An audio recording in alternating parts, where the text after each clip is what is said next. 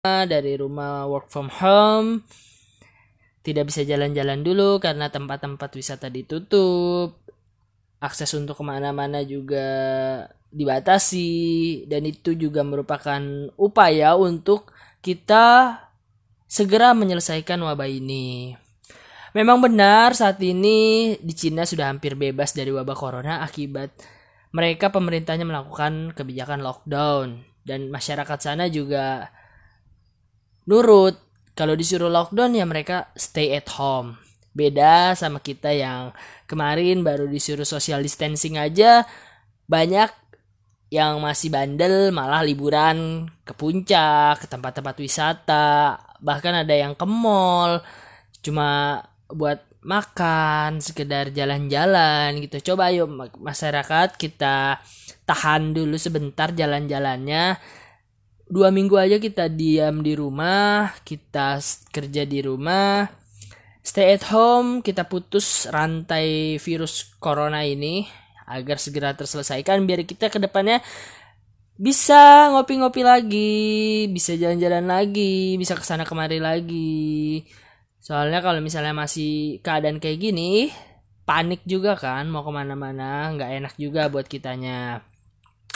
Berbagai negara sudah melakukan aksi karantina, termasuk Indonesia juga. Di situ banyak sekali problem ya, dari mulai aktivitas perkantoran, pariwisata, bisnis, semuanya dihentikan. Bahkan di sekolah juga diliburkan. Anak-anak pada belajar online, sistem daring, mulai dari SD, SMP, SMA. Nah itu merupakan salah satu disruption atau disrupsi yang belum pernah kita alami sebelumnya dan ini membuat orang tua uh, atau anak-anak baru merasakan yang namanya belajar online gitu. Banyak orang tua yang pro dan kontra ya, ada yang suka, ada yang tidak suka karena orang tuanya harus bekerja sementara anaknya di rumah tidak ada yang menjaga. Dan ada juga perusahaan padahal sudah memberikan work from home tetapi ada beberapa perusahaan yang tidak bisa melakukan work from home. Jadi terpaksa anak-anaknya harus belajar di rumah sendiri. Nah itu juga menjadi kesempatan peluang usaha nih buat kamu, kamu orang yang masih mencari penghasilan tambahan untuk menjadi guru privat untuk nemenin anak-anak sekolah yang ibu-ibunya masih kerja atau orang tuanya masih kerja kantoran bah itu bisa menjadi uh, peluang bisnis juga buat kamu, buat nambah pengalaman juga, untuk ya cari-cari tambahan gitu ya. Bahkan uh, banyak dari aktivitas kita menurun gitu dari mobilitasnya. Kasihan juga terutama untuk para pengusaha-pengusaha, omset-omsetnya banyak yang turun banyak juga yang pengusaha terancam gulung tikar karena terpaksa dan tak sanggup membayar biaya operasional. Banyak pengusaha yang terpaksa menutup bisnisnya dan melakukan PHK atau pengurangan gaji bagi karyawannya. Sementara para pekerja harian yang mendapat penghasilan tidak tetap, kayak driver ojek online misalnya, sangat mengeluhkan kondisi seperti ini. Mereka hilang pendapatannya karena banyak masyarakatnya yang tidak bisa melakukan aktivitas tersebut seperti biasa gitu kan.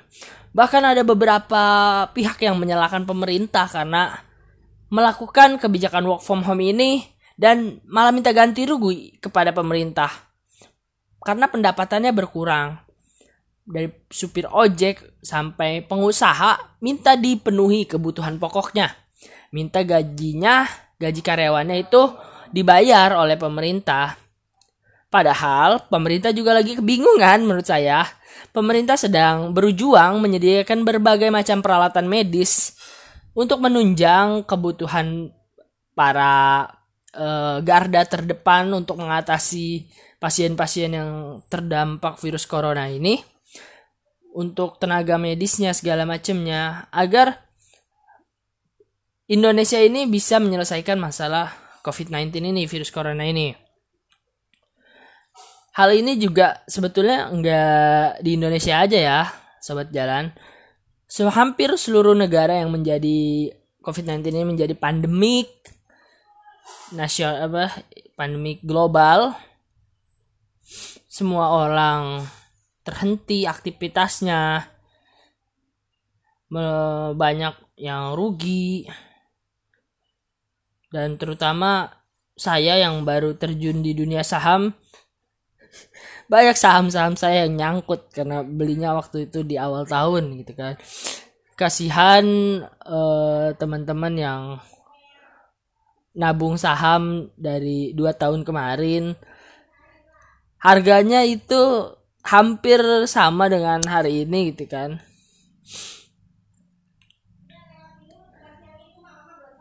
Bagi teman-teman yang menjadi polisi, kurir, driver, ojek online, atau pekerjaan lain yang mereka harus bertugas di luar rumah, terutama bagi para dokter, perawat yang harus bertugas di garis terdepan, tekanan ini lebih dari sekedar duit, tapi juga mengakibatkan ancaman penurunan penyakit itu sendiri. Bayangin.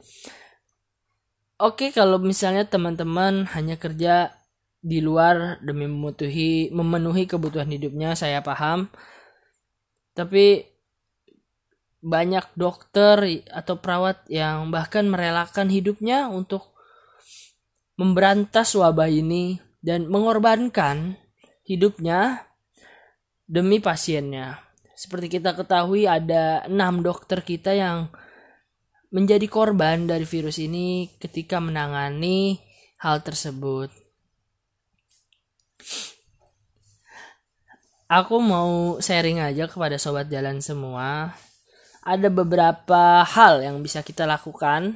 Emang ini terlihat sepele, namun bisa memberikan dampak yang luar biasa bagi Indonesia. Yang jelas sebelum mikirin Indonesia, kita bisa menjadi dampak positif dulu nih sobat jalan bagi diri kita ataupun keluarga kita.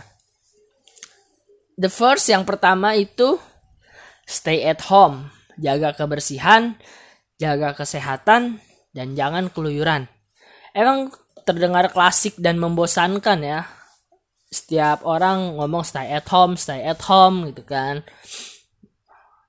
Namun kenyataannya banyak orang anak-anak muda teman-teman saya gitu masih pada bandel yang nongkrong di kafe masih banyak bandel yang ngeyel menjalankan acara pernikahan sampai dibubarkan saya baca beritanya kan. Kemudian ada yang anak-anak masih main ngegame di warnet gitu kan. Terus banyak juga manusia-manusia yang masih ke tempat hiburan. Tempat hiburannya juga nggak tutup akhirnya saya tuh Padahal pemerintah sudah mengumumkan bahwa Indonesia ini sedang masa bencana. Ada lagi yang lebih parah sudah dalam masuk daftar ODP, orang dalam pengawasan, masih juga keluyuran ke mana-mana. Bahkan pergi ke acara tetangga-tetangga. Sungguh miris dan memprihatinkan memang. Tapi udahlah saya nggak perlu bahas lagi kenapa kita harus tinggal di rumah udah banyak orang-orang yang ngomong kenapa kita harus stay at home gitu kan. Mungkin teman-teman di sini sudah paham. Namun uh, belum yang belum mengaplikasikannya mungkin belum tahu efek dahsyatnya ketika kita set stay at home gitu kan. Kita bisa mengurangi penyebaran virus itu sendiri. Satu lagi saya pengen tegaskan ya sekali lagi. Jangan bebel apa, jangan dablak kalau pada orang jangan egois. Coba kalau kita melakukan social distancing, menahan diri, kita sebenarnya sedang menolong diri kita sendiri, menolong keluarga kita, menolong negara kita, secara kesehatan dan juga perekonomian. Oke, mungkin kamu belum tahu dampaknya bagaimana jika wabah semakin merebak dan jika pemerintah menjalankan lockdown. Bagaimana jika orang tak sanggup lagi buat beli makan? Apa yang akan terjadi? Coba kamu bayangin. Ketika Indonesia di lockdown, perekonomian akan semakin melambat. Dan itu akan membuat masyarakat melakukan Ah, saya nggak mau jawab sendiri. Coba teman-teman pikir sobat jalan. Apa yang akan melakukan apa yang akan mereka lakukan sebagai seorang manusia normal yang butuh makan, butuh hidup ketika tidak punya penghasilan? Apa kalian mau terjadi peristiwa 98 itu terjadi? Tentunya enggak kan. Emang berat rasanya untuk menutup toko, menutup restoran, ataupun merumahkan karyawan untuk bekerja dari rumah. Karena penghasilan pasti akan merosot. Emang berat, itu juga berat yang saya rasain. Namun di sini kita jangan hanya fokus pada penghasilan jangka pendek aja. Coba tahan diri sebentar. Bukan cuma kamu kok yang lagi susah, seluruh dunia susah. Coba mulai dengan cara pikir kita. Kita bantu negara kita ini untuk memperbaiki perekonomian dengan stay at home, tinggal di rumah aja. Yang kedua, tanamkan mindset bahwa ketika kita berhenti sesaat untuk masa depan yang lebih baik, untuk ke depannya yang lebih besar untuk kekayaan, kesejahteraan yang lebih tinggi lagi. Jangan mempersulit keadaan dengan mengutamakan kepentingan diri sendiri yang justru akan merugikan diri sendiri. Oke. Selain itu juga kita harus putar otak, cari jalan untuk dapatkan penghasilan tambahan ketika krisis terjadi, apa pun penyebabnya, selain banyak orang bangkrut, namun sering muncul orang kaya baru. Kenapa hal itu bisa terjadi? Ya karena banyak orang yang berfokus pada masalah dan hanya sedikit orang yang terus berjuang berfokus pada solusi. I think I can. Saya bisa. Saya pikir saya bisa. Ketika ada masalah pasti ada solusi. Ketika seseorang itu bisa menemukan solusinya dan dia akan menjadi orang kaya baru. Saat ini banyak bisnis yang justru malah diuntungkan dengan banyaknya aktivitas yang dijalankan di rumah. Tidak hanya sektor kesehatan seperti masker, hand sanitizer, dan lain sebagainya yang diburu. Tapi barang konsumsi juga akan kebutuhan sehari-hari itu meningkat peralatan untuk bekerja di rumah, sektor industri online, baik itu education ataupun entertainment, pendidikan, hiburan itu meningkat karena banyak masyarakat kita yang stay at home. Kayak jualan pulsa, jualan kuota internet itu meningkat loh yang saya rasain. Karena anak-anaknya harus pakai handphone, internet, kuota untuk belajar di rumah. Kemudian ibu-ibu pada stok barang-barang seperti telur, indomie, beras segala macam karena mereka takut buat keluar gitu. Mereka harus nyiapin bahan-bahan makanan di rumah nyetok gitu. Coba teman-teman putar otak lagi cari jalan keluar untuk mendapatkan penghasilan tambahan. Kalau tadi saya ngasih tips untuk diri saya sendiri yang saya rasain gitu kan. Coba sekarang kita berpikir untuk orang lain.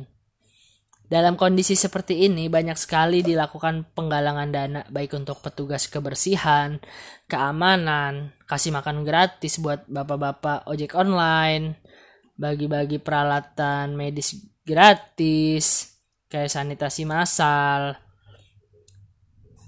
Semuanya it's okay, it's good baik dan sangat baik. Dan akan lebih baik jika kita peduli juga dengan lingkungan terdekat kita. Siapa mereka? Keluarga kita, karyawan kita, satpam, ataupun tukang parkir depan rumah kita, tetangga, saudara-saudara dekat. Bayangkan, jika kita membantu mereka, peduli terhadap mereka, peduli pada lingkungannya, kemudian peduli pada lingkungan yang kita yang dekat dulu nih, baru kepada lingkungan yang jauh, maka semuanya akan sejahtera. Sudahkah kita membantu mereka dengan hal-hal kecil dari kebutuhan basic mereka aja, kayak beras, masker, vitamin, hand sanitizer. Apakah kebutuhan mereka udah kita cukupi? Gitu kan. Saat ini emang ada waktu kita adalah waktu kita untuk memikirkan kepentingan bersama. Di mana ketika kita menolong orang lain justru kita akan menolong diri kita sendiri. Stay at home keep struggling and work online. Share with others. Kita sama-sama membantu pemerintah untuk menyelesaikan solusi ini.